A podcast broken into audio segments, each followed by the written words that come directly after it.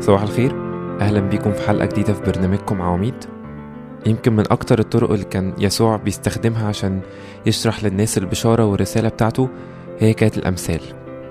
وفي مثل هو صغير قوي هو سطر تقريبا. ما كنتش بركز فيه قوي. يمكن كنت بحسه مش واقعي أو مش ليا الكلام ده. المثل ده موجود في إنجيل متى إصحاح 13 عدد 44 أيضا يشبه ملكوت السماوات كنزا مخفى في الحقل.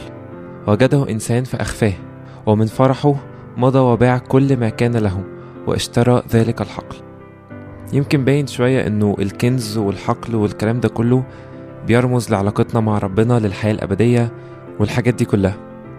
بس في حتة إحنا مش بنحب نفكر فيها كتير اللي هي مضى وباع كل ما كان له. كتير قوي الحتة دي هي اللي بتوقفنا في علاقتنا مع ربنا إن إحنا في حاجات معينة مش عايزين نستغنى عنها. في حاجات معينة مش عايزين نبيعها زي ما مكتوب في المثل ده.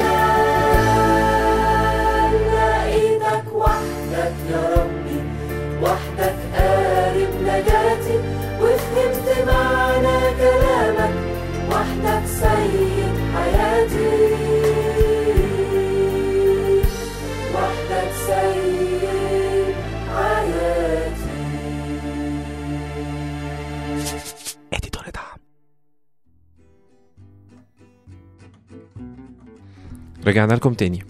للأسف إحنا لما بنيجي نفكر في علاقتنا مع ربنا وإن إحنا عايزين ندخل في العمق أكتر كل اللي بنفكر فيه إن إحنا محتاجين نستغنى عن حاجات معينة. بنفكر بطريقة سلبية. مش بنفكر إنه إحنا آه ممكن هنخسر حاجات معينة بس في المقابل إحنا هنكسب حاجات كتيرة قوي وحاجات لا تقارن أصلا بالحاجات التافهة اللي إحنا هنخسرها. بس يمكن عشان إحنا لسه ما دقناش الحاجات الحلوة دي فبنبقى ماسكين قوي في الحاجات الأرضية الحاجات المادية اللي إحنا عايشين معاها وعايشين فيها. ويجي الشيطان يلعب معانا لعبة دنيئة ويقول لنا كده أنت أنت عارف ربنا ده مهما كان حاجاته حلوة بس هو مش عارف أنت بتحب إيه بالظبط مش عارف أنت إمتى بتنبسط وبتتكيف. أنت الوحيد اللي عارف نفسك وأنت عارف إن أنت كده مبسوط. فخليك كده ما تتحركش. اعمل أه علاقة مع ربنا بس لحد حتة معينة ما تسمعش منه كتير لأنه عايزك تبيع كل حاجة معاك. عايزك تبقى أقل من الناس. بس الحقيقة الموضوع غير كده خالص. إحنا بنواجه في حياتنا حاجات كده ممكن تبقى هي حاجات كويسة جدا زي الأصحاب زي حاجات معينة إحنا بنتعلق بيها. العلاقات مثلا الأنشطة حتى لو حاجات تبع الكنيسة. مرات بتبقى الحاجات دي هي اللي معطلانا في علاقتنا مع ربنا. هي اللي مخليانا مش عارفين نجري في علاقتنا مع ربنا. بنتحرك بخطوة بطيئة قوي تعالوا نسمع ترنيمة يسوع سؤل قلبي انت ونرجع نكمل كلامنا. يسوع سؤل قلبي انت مشتهى يا انت.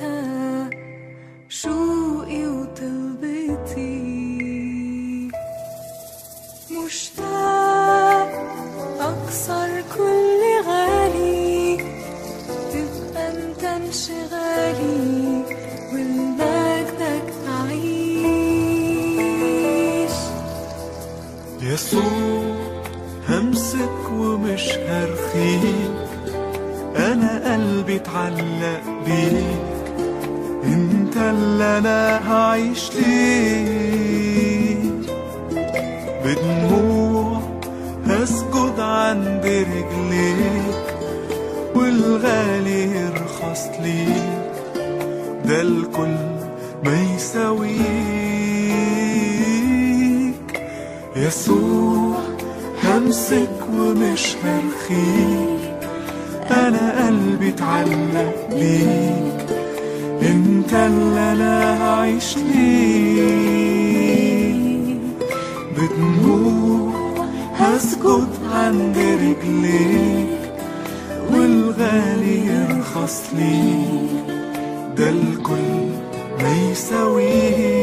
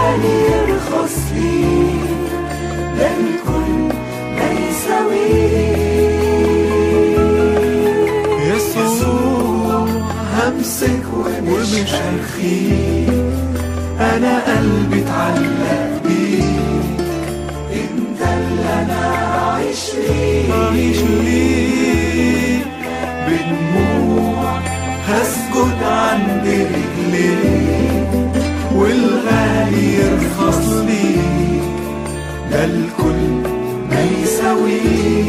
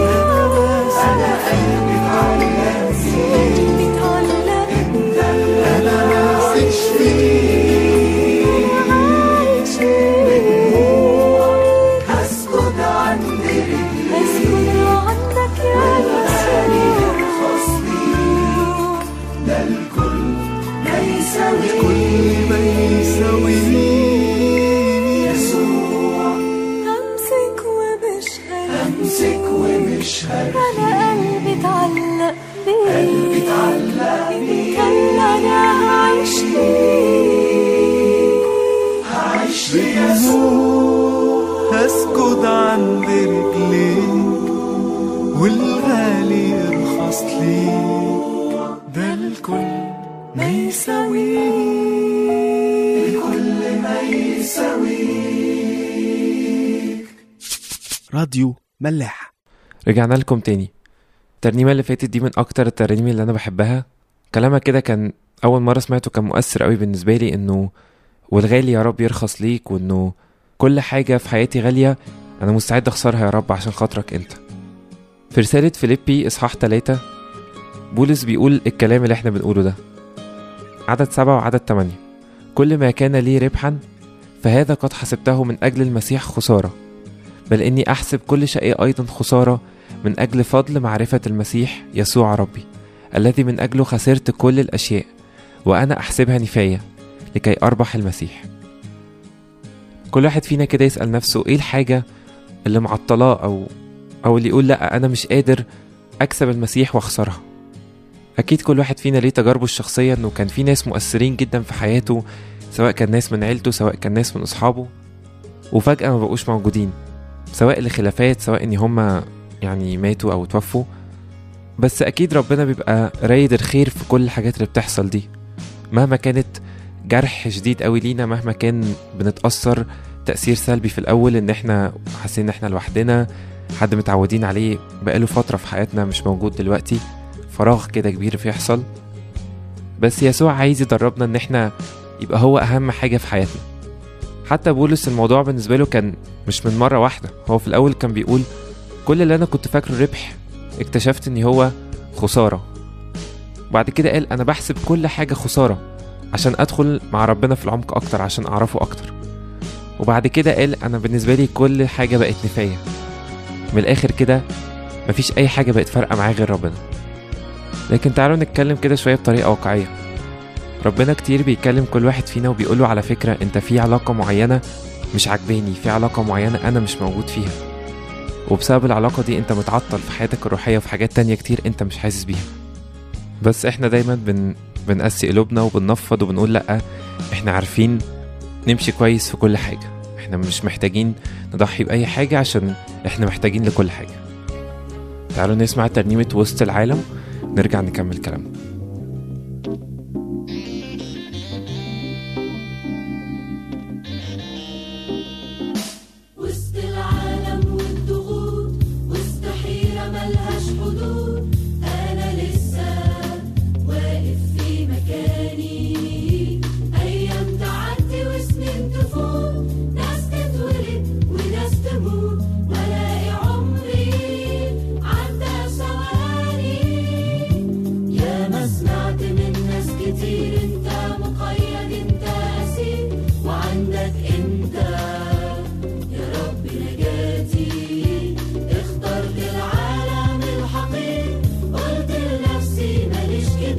لحد ما ضاعت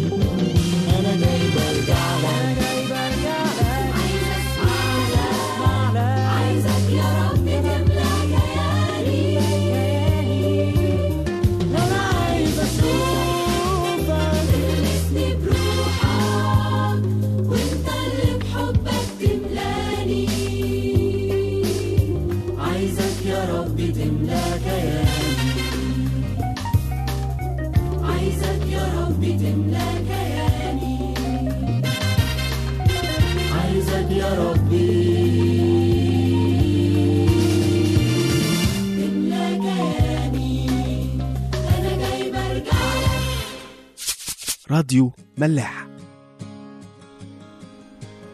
طيب رجعنا لكم تاني.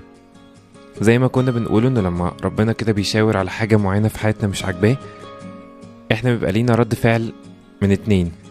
يا إما بنقسي قلبنا ومش بنرضى نسمع صوته وبنقول لأ إحنا هنكمل وكله تمام. وهنا ربنا بيفضل يزن علينا ويقول لنا أنتوا لازم تشيلوا الشر في وسطكم لازم تشيلوا الحرام اللي في حياتكم. زي ما كان بيعمل مع بني إسرائيل لكن هما ما كانوش بيرضوا يسمعوا صوته. زي ما في سفر يشوع لما كانوا داخلين أرض معينة عشان ياخدوها وربنا كان قال لهم إنه الذهب والفضة وكل حاجات اللي هتلاقوها دي محدش فيكم ياخدها.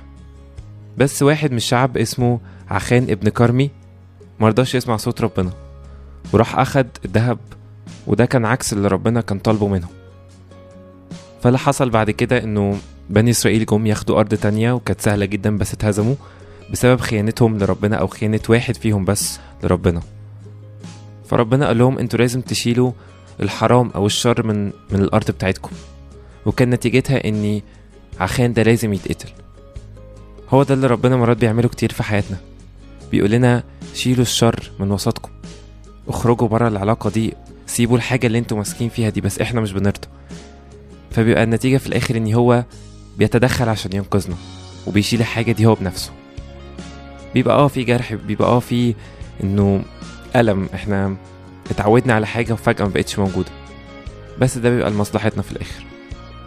ومش شرط تكون الحاجة دي برضو شر لازم نسيبه. بس ممكن يكون ده اختبار من ربنا عشان عايز يعلي مستوى الإيمان بتاعنا. زي ما كان بيقول للتلاميذ إنه أنا لازم أسيبكم وأطلع فوق. جايز تحسوا إن أنتوا كده هتضعفوا بس أنا هعمل كده عشان أرسل لكم الروح القدس. وزي برضو لما كان يشوع في الأول مستقل بنفسه وحس إنه بعد ما موسى مات هو مش هيعرف يعمل أي حاجة خالص وإزاي هيعرف يقود الشعب ده؟ بس ربنا قال له لا ما تخافش. موسى آه مات لكن أنا اللي كنت بدي لموسى القوة. ومصدر القوة لسه موجود. أنا اللي هديك القوة اللي كانت مع موسى وأكتر كمان. لكن لو كان رد فعلنا إنه إحنا بنسلم لمشيئه ربنا وبنطيعه وما عندناش مانع إن إحنا نستغنى عن أي حاجة. حتى لو كان الموضوع ده مش سهل بالنسبة لنا بيبقى فيه بركة ونعمة كبيرة قوي من ربنا. زي ما إيليا كان طلب من أرملة في حتة اسمها صرفة إن هي تديله أكل وما كانش معاها يكفي غير ليها ولابنها. وقايله له كده إنه آخر حتة لينا وبعد كده هنموت مش هنلاقي أصلا حاجة ناكلها تانية. بس إيليا قال لها طب طيعي بس اللي بقوله لك وهتلاقي إن ربنا هيبارك قوي في اللي عندك والضيق عندك عمره ما هيخلص. وفعلا هي صدقت وده اللي حصل. مع إنه كان وقت فيه جفاف ما كانش فيه مطر ما كانش فيه أي حاجة بس الست دي كان الخبز والدقيق والزيت عندها مش بيخلص. آخر حاجة عايز أقولها لكم هي حاجة مشجعة جدا لينا إن إحنا مهما كان التحدي أو الحاجة اللي هنسيبها صعبة بس قد إيه المقابل حلو قوي. في إنجيل متى 19 بطرس بيسأل ربنا السؤال اللي كلنا بنسأله له نقول له يا رب ها نحن قد تركنا كل شيء وتبعناك فماذا يكون لنا؟ بالبلدي كده إحنا سيبنا كل حاجة وجينا وراك كسبنا إيه بقى؟ يسوع بيرد عليه بيقول له كده الحق أقول لكم أنكم أنتم الذين تبعتموني في التجديد متى جلس ابن الإنسان على كرسي مجده تجلسون أنتم أيضا على إثنى عشر كرسيا تدينون أسباط إسرائيل الإثنى عشر. طب دول التلاميذ مثلا لو حد فينا حاسس إن هو لسه بدري إن أنا أكون تلميذ في الآية اللي وراها ربنا بيقول كده وكل من ترك بيوتا أو إخوة أو أخوات أو ابا أو اما أو امرأة أو أولادا أو حقولا من أجل اسمي يأخذ مئة ضعف ويرث الحياة الأبدية. قد إيه ربنا حاسس إن إحنا أول ما بنضحي بحاجة عشان خاطره هو هو ما بيترددش في ثانية إن هو يعوضنا. مئة ضعف ويرث الحياة الأبدية زي ما هو بيقول. هنسمع آخر ترنيمة معانا وهي ترنيمة من يصعد إلى جبل الرب ونشوفكم في حلقة جديدة إن شاء الله.